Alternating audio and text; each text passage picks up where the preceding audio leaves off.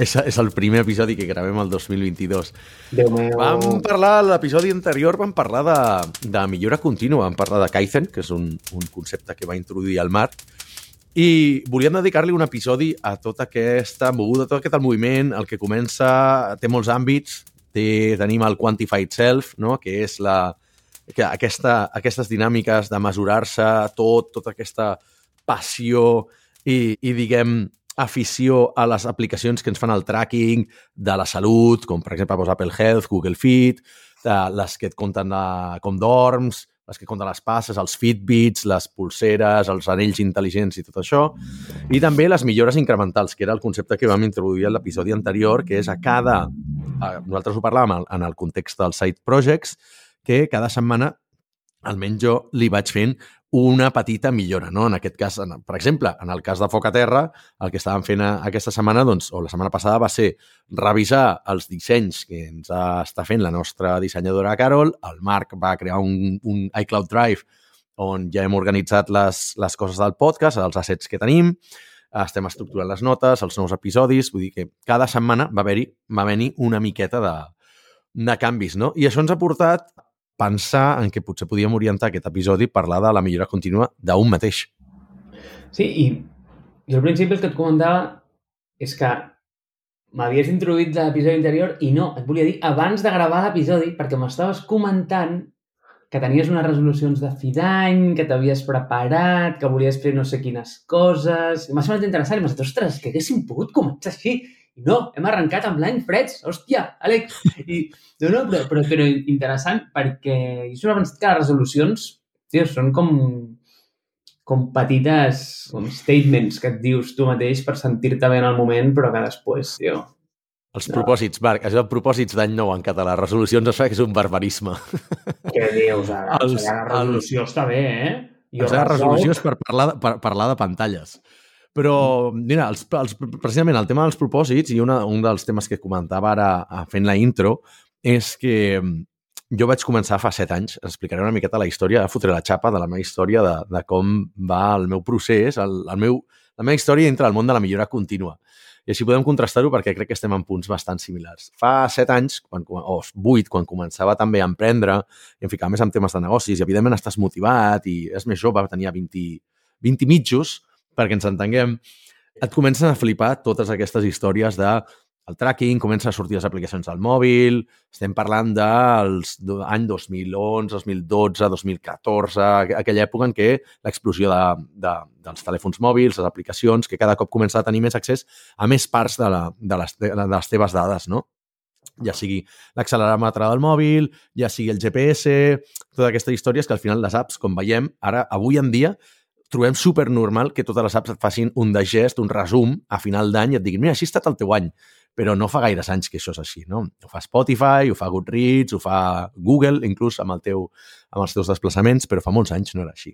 Aleshores jo vaig començar amb això bastant aviat, per temes, per temes de fitness, sobretot, vaig tenir una lesió bastant seriosa als lligaments, llavors a partir d'aleshores vaig decidir que faria esport un cop al dia.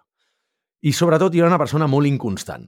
Val? I també a nivell de feina. I aleshores vaig dir, hòstia, sóc una persona molt inconstant, però és veritat que m'agrada molt treballar els meus defectes per poder-los millorar. En això sí que sóc una persona força resilient i molt capficada, no? I aleshores vaig dir, a la feina no va bé que sigui una persona tan anàrquica, tan completament caòtica com sóc a la vida real, perquè tinc uns socis, he de pagar uns sous i he de tenir una sèrie de responsabilitats. I vaig dir, dic, ostres, què tal si començo a fer un plan per ficar-me seriós amb aquest tema i m'obligo a fer certes accions cada setmana.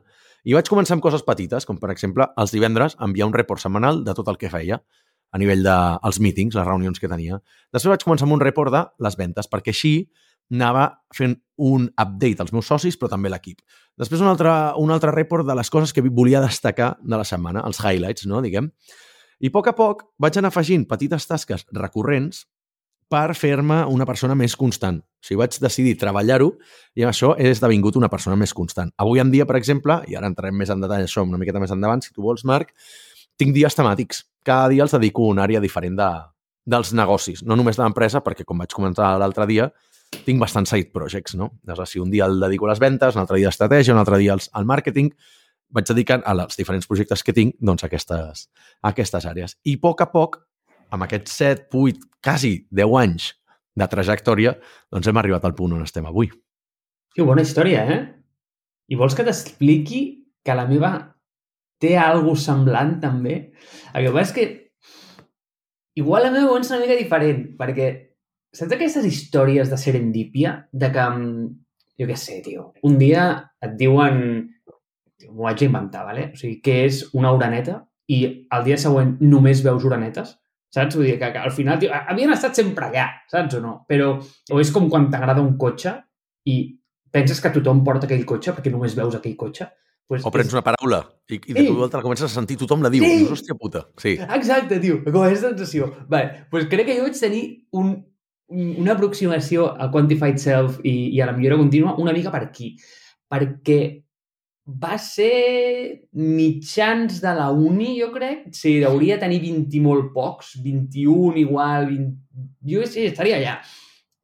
Que per un cantó, i clar, és que va ser absolutament no relacionat, eh? però per un cantó estava d'alguna manera a la carrera d'enginyeria industrial va molt de la mà aquesta idea de Kaizen i estava aprenent molt aquestes metodologies àgils, com gestionar una planta industrial, t'expliquen tota la història de Toyota, no? al final, que és brutal. O sigui, coses tan evidents com que un empleat pot parar una línia de producció no era tan evident llavors, no? És a dir, al final, en, en un món industrial, l'amo o el gerent de planta deia aquí es fa això, empleats ho feien i punt i hi havia un punt de, ei, anem a fer challenge d'això, no? I anem a preguntar-nos per què, anem a portar suggerències bottom-up, no? De, cap, de baix cap a dalt.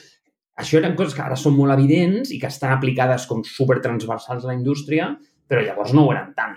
I, i, i crec que aquest punt és super interessant perquè, ostres, veus que realment hi ha una manera de millorar processos i que està com embedit en el propi sistema. Això és brutal, ¿vale? Jo, això per un cantó, però això tampoc em va cridar l'atenció, més en el sentit de que em flipava la idea, i punt, ¿vale?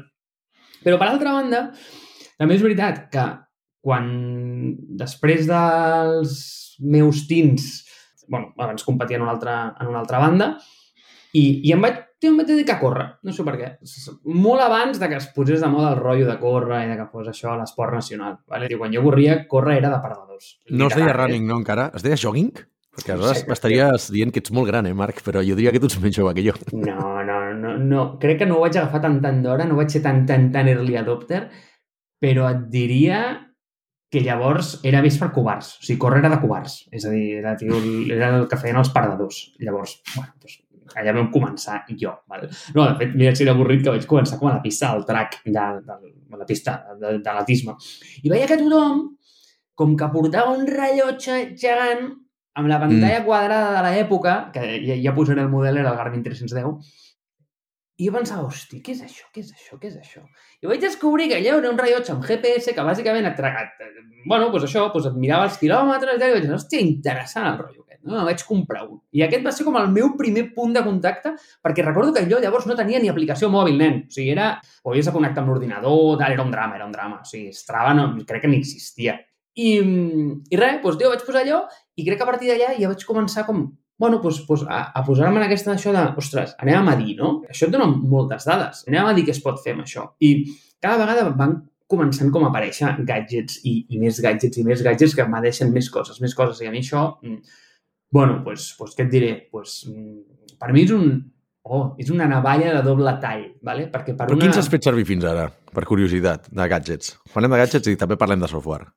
Hòstia, és que n'he provat molts, eh? Mira, perquè, mira, això és la meva perdició, ¿vale? perquè jo, si entres al meu perfil de Wallapop, veuràs que bàsicament eh, sóc una màquina de comprar i vendre. Però el que faig és que jo li associo un cost en el gadget, ¿vale? un cost d'ús, perquè jo sé que un gadget no em durarà més de 3 mm, mesos, ¿vale? o, Val. o 6 mesos. Alguns sí que m'han durat més temps, però el, que faig amb ells per provar-los, i em aniria molt bé, i crec que existeix eh, com un producte que fes renting d'aquests dispositius, però alguns són molt específics però d'alguna manera el que m'agradaria molt... bueno, espera, el que, o sigui, el que faig bàsicament és li associo un cost d'ús i li dic, mira, el compro per tant, sé que el vendré més o menys per tant, el faré servir durant tant temps, per mi és com una subscripció. Val? Llavors, val. Doncs, doncs jo ja sé que tinc com una subscripció mensual de gadgets que val tant, no? I coses que he provat que m'han agradat molt. Per exemple, el Oura Ring, l'anell, crec que és un dels millors dispositius que hi ha per, per, per traquejar tot l'aspecte del son no sé si coneixes el WOP, que No conec. just han tret el 4.0, també és un dispositiu molt enfocat. A nivell de rellotges de, de GPS, mmm, bueno, o sigui, he provat totes les marques havides i per haver. O sigui, he passat per Sunto, per Polar, per Garmin. Últimament estic molt fort amb Coros, m'agrada molt Coros, estan fent coses molt bones. Evidentment he tingut l'Apple Watch. Però ja et dic, eh, vull dir, per mi, i diu, hòstia, sembla molt, ja saps que jo sóc el tio més auster del planeta. Això són les úniques coses que jo provo de manera molt intensa, però jo et dic, a un cost molt baix, perquè les cuido molt bé, llavors el que faig és que li associo eh, un preu de venda i jo ja sé que d'allà no puc baixar. Té, té com un stop loss, el meu Quantified Self. Tu què, nen? Jo anava a dir, clar, jo estava pensant, dir, quins gadgets he fet servir, quins, quins ginys, per dir-ho en català, que sempre tenim la, la, la conya aquesta de fer servir la paraula correcta. Recordo que la uni era, la paraula era giny. Que dius, no l'he sentit dir mai a ningú, eh? també t'ho he de dir. Hardware, jo he estat molt poc. Recordo que vaig tenir un experiment bastant fail perquè va haver-hi un any que em van regalar pel meu aniversari, em van regalar, jo tenia, sempre estat de bambes de Nike a l'hora de córrer, i em va regalar el dispositiu aquest que fiques a la sola de la bamba i pots fer el tracking. Què passa? Que jo aleshores tenia un ordinador amb Linux i no funcionava. Aleshores va ser una miqueta fail de part dels meus amics regalar-me això, però potser no sabien que jo tenia un, un ordinador amb Linux, per tant no ho vaig poder fer servir. I diria que el primer hardware que he fet servir per tracking, telèfons mòbils a part, perquè no són, diguem, dedicats per això, ha estat l'Apple Watch, que l'he comprat els últims 3 anys, perquè és quan vaig començar a fer piscina de nou i vaig dir, hòstia, necessito per la piscina i també per temes del, per temes del cor, que es que és un, un tema que l'Apple Watch fa particularment bé comparat amb altres coses. I dic, ostres, mira, jo de petit era molt fan dels rellotges, vaig deixar de fer servir rellotge a l'institut perquè te'l robaven, bàsicament, i després van passar bastant de moda, i, i, i m'he sentit molt alliberat tot aquest temps sense, sense rellotge, aquests gairebé 20 anys sense rellotge, o 15, i ara ha tornat, i la veritat és que no puc viure sense l'Apple Watch. Però jo he estat més de software, val? O sigui, tu, així com que tu, tu ets la persona més dedicada potser al, al, a la part hardware de, de tot el tema de tracking, jo sí que és veritat que des de ben, ben jove, i recordo que probablement el primer, ara et cauràs de cul, Marc, te'n recordes d'un software que es deia Audio Galaxy? Home, nen, un va viure l'època pre-iTunes, eh? Val. Doncs pels, pels, per la gent jove, o per la gent directament que no, no va viure aquella, aquella època, eh, va ser un dels precursors de...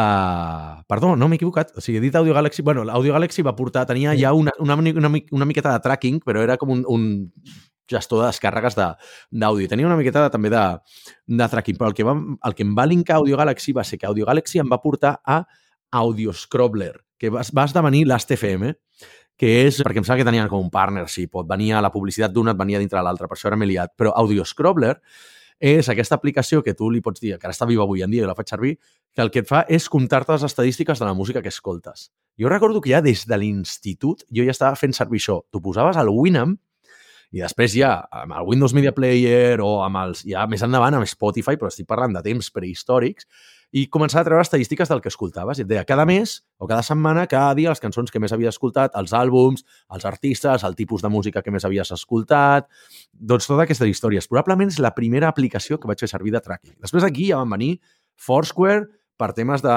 localització i de els llocs on has estat i, evidentment, doncs, temes ja més de viatges. Després ja va venir doncs, Google per temes de localització i altre tipus de, de data. Després ja van venir no sé, moltes més coses, bueno, a nivell de fitness, no? Vaig fer servir Fitocracy, vaig fer servir 8Fit, vaig fer servir diverses aplicacions. Jo he estat molt més d'aplicacions, totes aquestes aplicacions que et permeten fer el tracking de les teves coses. Val? Inclús vaig tenir una època, i jo sé que, Marc, tu aquesta no l'hauràs fet servir, hi havia una xarxa social que és Untapped, que encara existeix, que és per marcar les cerveses que et veus. I on les veus, què t'han semblat? I és una aplicació que és, que és fantàstica, però vaig arribar, i aquí estem una miqueta al punt on volia arribar, que tot aquest tracking m'ha portat, sobretot aquest any, eh? progressivament ja ho he anat veient, però aquest any ha estat l'any que he dit una miqueta de prou. Val? Fa un parell d'anys vaig tancar molts perfils d'aquestes coses perquè és que estava fent tracking amb, no sé, no exageraré, eh? potser diria 7 o 8 aplicacions al mateix temps i les he anat reduint progressivament. I llavors aquest any he arribat al punt de dir prou, crec que ja m'he cansat del tracking, porto molts anys veient que això et dona certes indicacions i tal, però en el moment en què et genera més estrès que no pas els beneficis que t'aporten, estàs fent alguna cosa malament.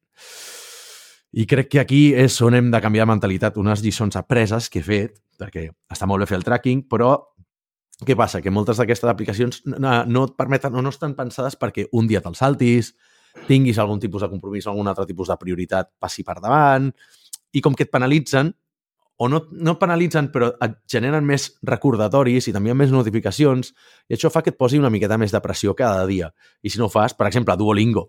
No? Duolingo tens, el faig servir per, per aprendre idiomes, i tens com una cadena. I si algun dia trenques la cadena, hòstia, has de tornar a començar. Val? I clar, al final acabes fent, d'alguna manera, un Duolingo molt fàcil al dia, no la lliçó que tu volies fer, només per no trencar la cadena. I no pel, pel fet d'aprendre idiomes, que era l'objectiu inicial. Con la qual, feta la llei, feta la trampa. I aquí és on es perverteix el model del, del tracking i, i la millora contínua. No sé si tu també ho has experimentat, això, Marc. Déu meu, Àlex. Tio, això ha sigut un viatge a la història, eh? Fet venir uns records i unes memòries, una nostàlgia, nen. El Nike Pot el recordo perfectament que les bambes tenien un forat a la sola per posar-ho. Sí. Era boníssim, això. I es sincronitzava amb l'iPod. O sigui, era una passada. Sí, sí, és que, i que a més anava encara amb aquell connector de 30 pins i portava sí. com un connector especial. Déu meu, que mític. I m'has fet recordar també que no me'n recordava de l'AST-FM, que jo, jo no, no vaig fer servir la que has dit abans. Audio Scroller. Vale, aquí no, però jo sí que entrava a l'AST-FM i estava obsessionat amb taguejar bé les cançons a iTunes perquè les pillés bé, però, com et diria, més enllà d'això, i, i veient el viatge que has fet, estic absolutament d'acord i ahir ho parlava amb un amic. És que, veus? Mira què et dic, saps? O sigui, és aquesta serendípia de dir, oh, és que ahir, ahir ho parlava amb un amic, ahir m'han explicat el que era una uraneta, no? Doncs pues avui estem parlant d'uranetes. Doncs pues, just dèiem que els dos, i jo inclòs, havien deixat de fer servir Strava. I per mi Strava era com eh, la única red social que jo utilitzava, bàsicament. I, I em diu, i per què vas deixar-lo de servir? I li dic, mira, tio, doncs t'explico. Perquè a vegades volia sortir a córrer per pensar, és a dir, ostres, perquè tenia alguna al cap molt, com et diria, ostres, molt calent i volia baixar i, i volia un moment per mi i, i res, sortia a córrer i sortia amb el Garmin i, o sigui, primer quilòmetre, 5.30. I us mirava i pensava, hòstia, mare, vas fent pena. Eh, Perquè ho mires clar. durant la, la cursa, tu. Clar, clar, clar, clar. Ah. No, no, o sigui, no només ho mires, sinó que, bueno, espera, o sigui, primer, Marc, Marc, vas fent pena, ¿vale? que això ja és mm, dolent. I llavors, perquè la ho mires i, hòstia, quan ho pugis, clar, tots els teus col·legues diran, ala, xaval, que vas trepitjar nous, saps? Llavors, ja, ja, o sigui, et puteges amb tu mateix, tio, i, i, i, i hosti, t'animes i dius, a la merda, pensar, ja pensaré un altre dia, hòstia, ara vaig a fotre la marca, no? I clar, què, què és el que passa? Que a sobre el Garmin té una funcionalitat molt perversa, molt perversa, que es diu Strava Live Segments, que bàsicament el que fa és que quan entres en un segment d'Strava, que és un, un, un tram marcat per GPS, en temps real et diu qui dels teus amics ha anat més ràpid en allà.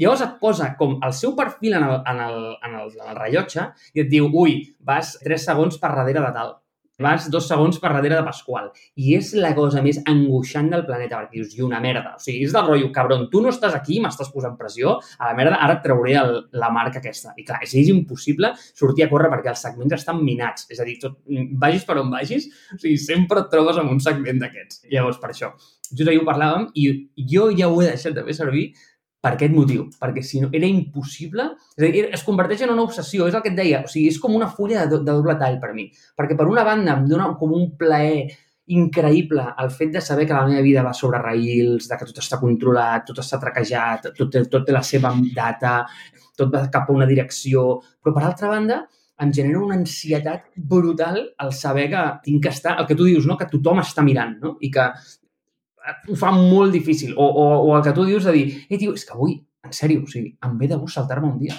Però és que tr trencaré com la meva cadena d'èxit mm, o, o la meva ratxa i dius, o sigui, és que va en contra, però és que, tio, a vegades vols parar un moment, està ok fer-ho, saps?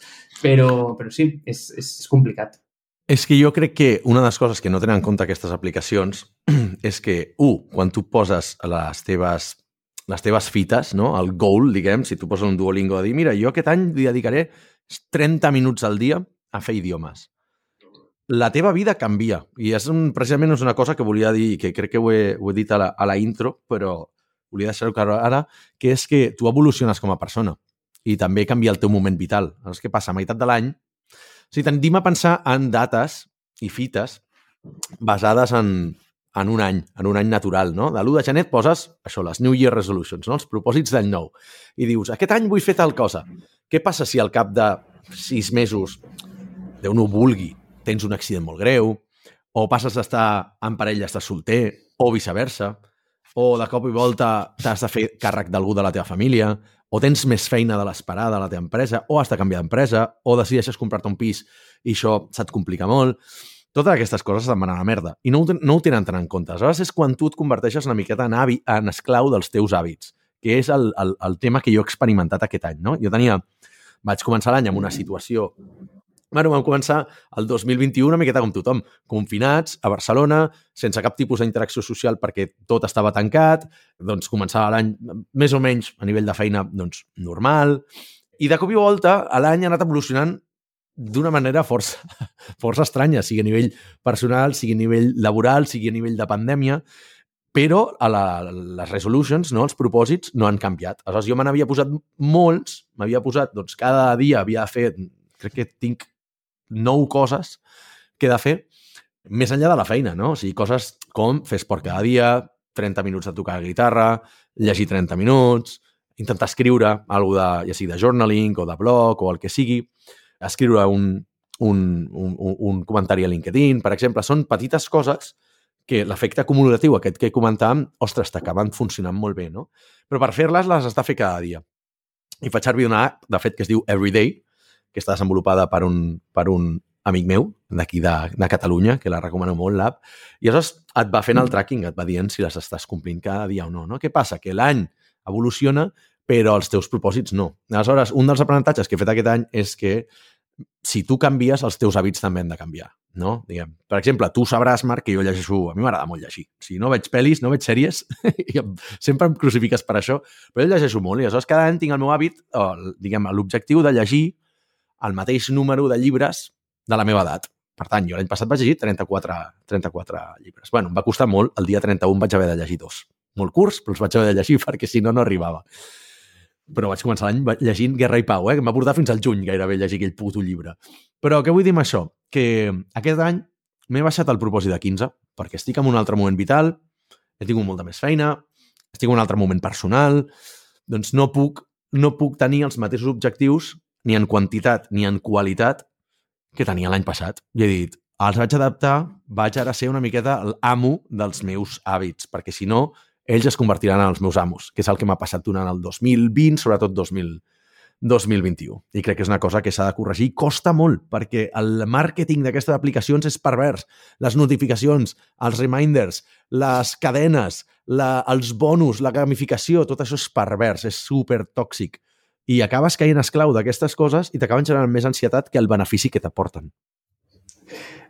Àlex, T'he de donar una petita rèplica sobre una cosa que has dit, perquè si algú que em coneix molt sent això, dirà el Marc és un, és un fals i un traïdor, perquè o sigui, que tu em pintis a mi del tio que mira moltes pel·lis i moltes sèries quan jo sóc la persona que es va quedar amb Perdidos mm, a l'any igual 2010, o sigui, va ser l'última sèrie que vaig veure. I Però pel·lis me'n recomanes moltes, Marc. Vull dir, jo tinc, tinc com a de referència. Pensa que jo n'he vist tres a la meva vida. Ja, I, vale, és que tu i comences... Són amb... i, i Machete.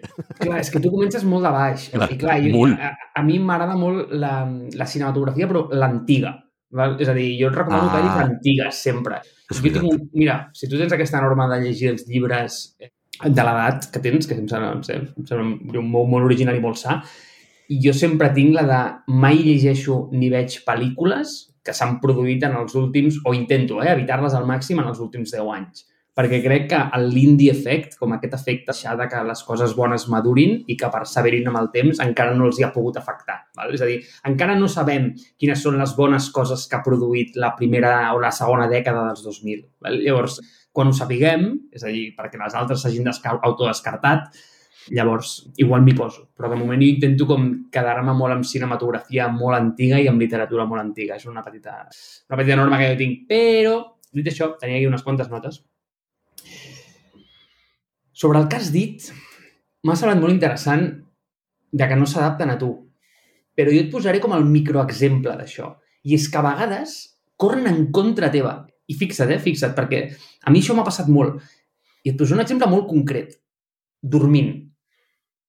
Tu entres a la pàgina de Oura Ring Uh -huh. i només pensant que et compraràs l'anell aquest per dormir, només, només el pensament de, de, de que el tens, jo crec que ja deus dormir millor, ¿vale? perquè te- tenen un màrqueting nen que, bueno, que és el que Absolutament. És placebo. Enamora, enamora, Sí, sí. enamora, no? Enamora.